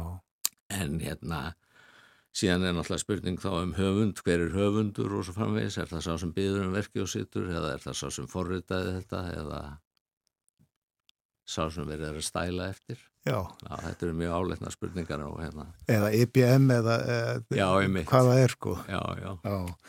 En það er aðteglisvert í þessu samhengi að, svo við fyrir nú kannski aðeins, aðeins út fyrir uppalegt efniða í þessu að þá er hugsunin að reyna að fá tölvuna til þess að skapa ja, listaverk sem að kemst næst því að geta verið eftir mannesku. Já, ég mitt, það er bara þannig. Uh, við myndum nú kalla þetta, já, hvað hva myndum, ef þetta væri annar listmára að herma eftir öðrum, þá myndum við að kalla þetta held það. Hugverka stuld, en, en uh, ég er ekki alveg sem að menn noti það orð mikið um, um þessar tölvumyndi sem verður að búa til. Nei, það er rétt. En uh, hvernig er með tölvuna, tölvutæknina? Hefur þér alltaf litist vel á, á nýjasta nýtt í þeim heimi? Já, ég hef nú verið svona sæmilega duglega við að hérna, nýta mér þetta og, og ég get kannski satt frá því að núna bara síkastið þá hef ég verið að hérna, lært að meta þýðingaforrið sem hafa eiginlega tekið ótrúlegum framförum frá því að Jórik Vilks var að tala um þetta 1982 Já. og ég skrifa, hef skrifað nokkrar greinar um, um vísindasögu og sögu sálfræðinar á ennsku allt saman í alltfjörlega tímaritt og svo hef ég svona að ganni verið að snúaði mig yfir á dönsku og þá hef ég oft gert það að henda þessu inn í Google Translate fyrst eða annað fórðið sem heitir DeepL og uh, út úr því kemur svona hráþýðing og maður sér náttúrulega hún er fjarið því að vera fullkominn en uh, hún er samt glettilega góð í raun og veru. Þannig að það er þetta að nota þetta sem svona hrátt uppkast og svo getur maður farið og laga textan til. Já. og þetta finnst mér flýta fyrir. Að, og ég er alveg vissum að þessi forrið, þýðingaforrið eiga eftir að taka mjög mjög framförum á næstu árum. Já, það er hagnýti náttúrulega, uh, liggur það bara ljóst fyrir. Já, einmitt. Mjög margir sem að njóta góðs að þeim. Og þess að við tökum hluti eins og hérna reglugerir Európa-sambandsins sem eru mjög struktúreraði textar, allir svipað uppbyggðir og svo framvegis að ég held að það getur verið mikið gagna þessu við að, að hérna, fyrir tíðundur að hafa þetta sem svona fyrsta áhlaupað texta og svo, en svo þarf að sjálfsögða að lesa yfir og, og, og því að stundum koma stórkostlegar þýðinga villu náttúrulega. Já, akkurat. færa þetta yfir á líka ekki bara rétt heldur líka svona þægilega eh, sæmilega eðlilegt mál Já. En eh, hvað með þitt fag, sálfræðina, hvernig eh, er gerfi greint nú þegar nýtt í sálfræði og, og hvernig mun hún nýtast heldur? Ég, það var náttúrulega hérna á árum áður sko, það voru menn mjög spenntið fyrir þessu að, að þróa svona tölvulíkan um hugsun og, og, þess áttar en mér sýnist svona að það sé svona heldur minni áhuga á því núna. Þannig að, að, að sálfræðin er nú svona vissanhátt orðin hefbundnari þar sé að nú er ég að tala um eina akademísku sálfræði tilurina sálfræðina með þá að leggja fyrir tilurinnur og vinna úr þeim og svo framvegis. Þannig að það er ekki það er mun minna um svona tölvu líkon í því fræði greinum um, um, um, um sálfræði heldur en var hérna fyrir nokkrum árum. Nú en svo getur maður veltið fyrir sér hvað með svona eins og klíniska sálfræði og, og, og hérna eh, er hugsanlega með að fara að nota þessi spjallmenni þar uh, og þá má rifja upp kannski að á sjönda áratug síðust aldar útbjó Jósef Weisenbaum sem var professor við tækniháskólinni Massachusetts MIT sér til skemmtunar tölvufórið sem hann kallaði Elísu og hermdi eftir viðtalið við sálfræðing. Og þannig að maður getur kannski slegið inn og líka bara ég er frekar dabur í dag og þá spyr tölvan á móti af hverju heldur þú að þú sér dabur í dag? Og svo framvegis. Já. Nú skemst er frá því að segja auðvitað að tölvan skildi auðvitað ekkit af því sem framfór en greip bara svona stöku orð úr því sem fólk skrifaði og svaraði svo tilbaka með opnum spurningum. Þetta fórið vakti tölvera aðtegli og einhverju samstarfsmenn væði sem bámsbáði jafnvel um að fá tíma hjá Elísu og farið var að tala um að hægt var að þróa þetta sem eitthvað svona ígildi e, sem sagt sálfræði meðferðar. En Weissenbaum honum leist nú afleitlega á þessar viðtökur sem hann átti alls ekki vona á og skrifaði bókum hættuðar sem gerfugrænt geti fallið í sér Já, Computer Power and Human Reason hétt hún kom út 1976 og þar gaggrindan þá tilnefing að fara að líta hugbúnað sem ígildi mannlegar hugsunar það er ju engin vitund í tölfunni, það er ju þannig. En hættan er svo að fólk komið til með að trúa því að spjallmennin búir umverulega yfir vitund. En hér verður tíminn alltaf bara leiðið við oss hvað gerist og, og hérna það er svo sem uh, vel hugsanlegt að, að spjallmenni kom, munu koma þarna við sögu framtíðinni. Já, að við getum farið í hugrana atferðlis meðferð því á einhverju tölufóröldi. Já, svona minnst ofastu með aðstóð þeirra. Já. Þannig að það er, það er alltaf verið að spá sérstaklega um framtíðin. Minnum þá á aftur að í þessari greini tímanum þarna hösti 1982 þá var spurt leysa tölfur geðlegna af holmi. Einmitt, já. Og þar var nú líklega verið að fjalla um Væsenbaum. Já, já, það getur verið, getur verið, akkurat. En uh, sko, tölvunar, tölvugreindin, uh, hefur hún breytt okkur fólkinu nú þegar eða mun hún gera það heldur? Já, alveg öruglega sko, eins og allar teknilegar hérna uppgötunar og er alltaf skemst að minnast á, á þessa merkjulegu uppgötunar sem er riðmálið uh, sem er jú einhelsta undirstaða siðmenningarinnar sem að umlíkur okkur alveg frá blötu basminni að, og eins er með þessa teknin í ungar að þær eru allt um kring og, og, og yfir um. Og en það er kannski aðeins erfitt að sjá hver stefnir á þessum tímapunkti og ég má kannski hérna segja frá tveim pislum sem ég bara var að lesa í New York Times Endilega. alveg nýjum 8. mars byrtist þar grein eftir Noam Chomsky og tvo samstarfsmenn en Chomsky má líklega telja fremsta málfræðing síðustu aldar og er ennað og þeir benda á í grein sína að spjallmenni læri mál með allt öðrum hætti en börn hjá börnum sprettu máli fram eins og á sjálfu sér við ekki mjög mikil máli samskipti við fullorna og ástæðin er svo að heilabú barnana er stilt inn að það læra tungumál, orð þeirra á málfræði og það gerist áreinslu lítið. Nú tölfur eru hins vegar mataðar á ógreinu upplýsinga um sem hins stóru tæknifyrirtæki búið yfir og nota svo til þess að greina hverskins minnstur í málinu. Máltaka barna er að sjálfsögðu tengt vaknandi vitund þeirra tilfinningum og siðferðisroska en tölvurnar eru að verða alltaf sálarlösa skefnur. Og höfundandi klikja svo út með því að segja að þeir viti ekki hvort þetta sé að hlæja eða gráta yfir þeirri hrifningu sem spjallmennin sé að vekja þessar vikurnar. Nú en svo á þriðu dag núna, bara fyrir þrejum dögum, þar byrtist svo grein eftir Thomas Friedman sem er einn helsti pislahöfundur blaðsins og hefur verið til margra ára tuga og greinin heitir hvorki meira en að minna en Prometheus tímamótin. En Prometheus var jú, í grískri góðafræði sá sem að ferði mannkyninu eldin og Friedman hafi fengið að eiga samskipti við GPT spjallmennið sem eru það sem Íslandikar eiga nú aðeltað og getur ekki lengt hrifningur sinni hér sé komið að tímamótum í sögu mannkynns þannig að það er augljóslega mjög skiptar skoðanur um það hvað er að gerast já. og svo vitnaði þú jú í Bill Gates hérna sem var nýlega að, að lýsa sinni skoðan á þessu. Já.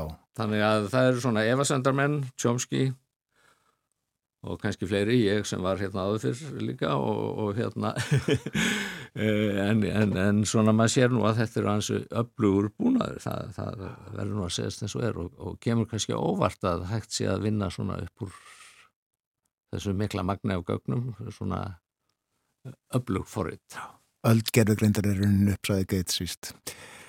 En uh, aðeins með okkur fólkið áfram, uh, verður við latari að hugsa?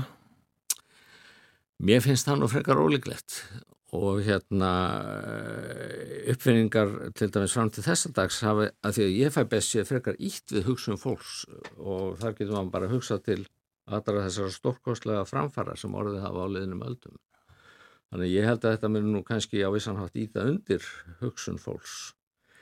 En þetta er auðvitað mikil áskorun fyrir skólakerfið eins og búið að ræðum og, og, og jafnvel að menn munu nota spjallmenni til þess að svindla sér inn í próf og, og hérna, eða framhjá prófspurningum. Og hvaða áhrifum muni gerðvignir hafa á nám, það er nú erfitt að, að segja til um það. Nú ég gerði smá tilhörn í gær og fór inn í hérna, þetta nýja spjallforrið sem að eh, hvað mest er, er hérna, fjallað um, þetta GPT og ákvaða að leggja fyrir það spurningu. Og þetta nú allt fram á ennsku svo sem en, en ég laði fyrir, fyrir forrætti spurningu úr skinjunasálfræði sem að var svona, eh, segðu mig hvað er fígúra á grunnur? Þetta eru líkil hugtök í skinjunasálfræðinni þar sem að eh, við erum með aðgreiningum til þess sem er í fórgrunni og þess sem er í bakgrunni. Og sjónkerfið sérum að gera þetta sjálflegt fyrir okkur þannig að við veitum ekkert hvað er í gangi en við bara fáum niðurstöðuna og eins fyrir heyrn það sem við erum að fókusera á og svo framvegis. Nú að það kom smá pístil tilbaka náttúrulega og 15 eh, línur eh, þar sem var svona fjalla almennt um þetta og eh, var bara svona alveg liðtækur texti þannig að ef að þetta hefði verið háskólanemi sem hefði verið að svindla sér frá hjá prófspurningu og sett þetta inn þá hefði hann kannski fengið fimm, eða sannlega fjóra eða eitthvað í þeim dúr. Það vantaði svona smáatriðin í þetta. Fallið það ekki, fimm eða hvað? Nei, fimm er akkurat staðið. Eða staðið, eða. En fjórir væri fall. Fjórir fall, já. Nú, svo ég spurði áfram uh, og, og hver er uppasmaður að þessari aðgreiningu í fíkur og grunn og þá svona kom nú smá hík á tölvuna og hérna en svo kom hún tilbaka og uh, saði aðeins frá rannsóknum í skinnjun á 19. öld sem að koma málunum nú ekki mikið við reyndar en nefndu svo gestaltsálfræðingana, eh, skínheldastefnumennina Þísku sem að hafðu fjallað um þetta en ekki fundið þetta upp sjálfur. Og uh, það vantaði alveg inn í umfjöllun snjallmennisins Edgar Rubín, danskan sálfræðing sem að hérna þessa, kom með þessa aðgreiningu fyrstur í dottorsitt gerðarinn 1915 og máliði mér aðeins skilt þetta sem skrifaði bókum Edgar Rubín fyrir nokkrum árum. Ja. Þannig að ég fór tilbaka og saði, heyrðu, ykkur yfirsást, eða þér yfirsást Edgar Rubín og þá kom nú lengra hlýja frá stjálfmennu og spjálfmennu og svo kemur hérna, you are correct, I apologize for the oversight og svo smá pistil um Edgar Rubín, hann er danska sálfræðing. Og þessa frægu myndans Vasi Rubíns, það sem er í mist Vasi eða tvö andlit sem er að horfast í augu. Og svo endar hann á Thank you for bringing this to my attention. Þannig að þetta er nú fyrsta reynisla mín af, af þessu nýja hérna, spjallforriði Þú ert aðeins að hjálpa því leiða það svona eina Já, einmitt, þannig að já. nú getur ég kannski prófað eftir tvo daga láta hann að fá sömu spurningur aftur og sjá hvort að þetta hafi skilað einhverju. Akkurat, og veitum hvað hann á að leita. Þakka er innilega fyrir eh, að koma og spjallna þetta, mjög gaman að fara yfir þetta Jörgur Pind. Eða að hafa það eh, sem veganest inn í daginn að tölvutnar verða alltaf sálarlösa skeppnur. Já, ég held að það sé rétt. Gerir það. Takk, takk. Jörgen Pind kom til okkar á morgunvaktina í mars. Við töluðum um gerfigreind en uh, hann tók að kynna sér hanna svo snemma sem 1982 og uh, líðu nú að loku morgumvaktarinnar þennan morgunin. Já, og í dag er 27. desember, þriðji í jólum og það var vist hannig hér á öldum áður að þriðji í jólum var helgidagur og frídagur en Danakonungur var ekki á því að Íslendikar þyrtu svona marga frídaga og afnam og afhelgaði þennan dag árið 1770 en það er til síðs í desember og svona fram að jólum að óska fólki gleðilegra jóla, gleðilegra hátíðar. En núna segjum við kannski frekar gleðilega rest. Komið að því, já. Og jólasveinarnir uh, farin að týnast heim, ég held að stúur hafi farið í nótt. Já. Og svo faraði einn af öðrum alveg fram til uh, 13. 7. desember, januar, þá voru komið nýtt ár. Já. En við hefum sett ég síðan snemma í morgun Björn Þór Sigbjörnsson og Eirún Magnúsdóttir og uh, leikið viðtöl práðið fyrir á árinu og tekið eitt nýtt við uh, Áskei Torfarsson, hann var hjá okkur hér áðan. Við þökkum samfélgina frá því snemma í morgun. Þátturum verður á sínum staði fyrramálið. Verðið sæl.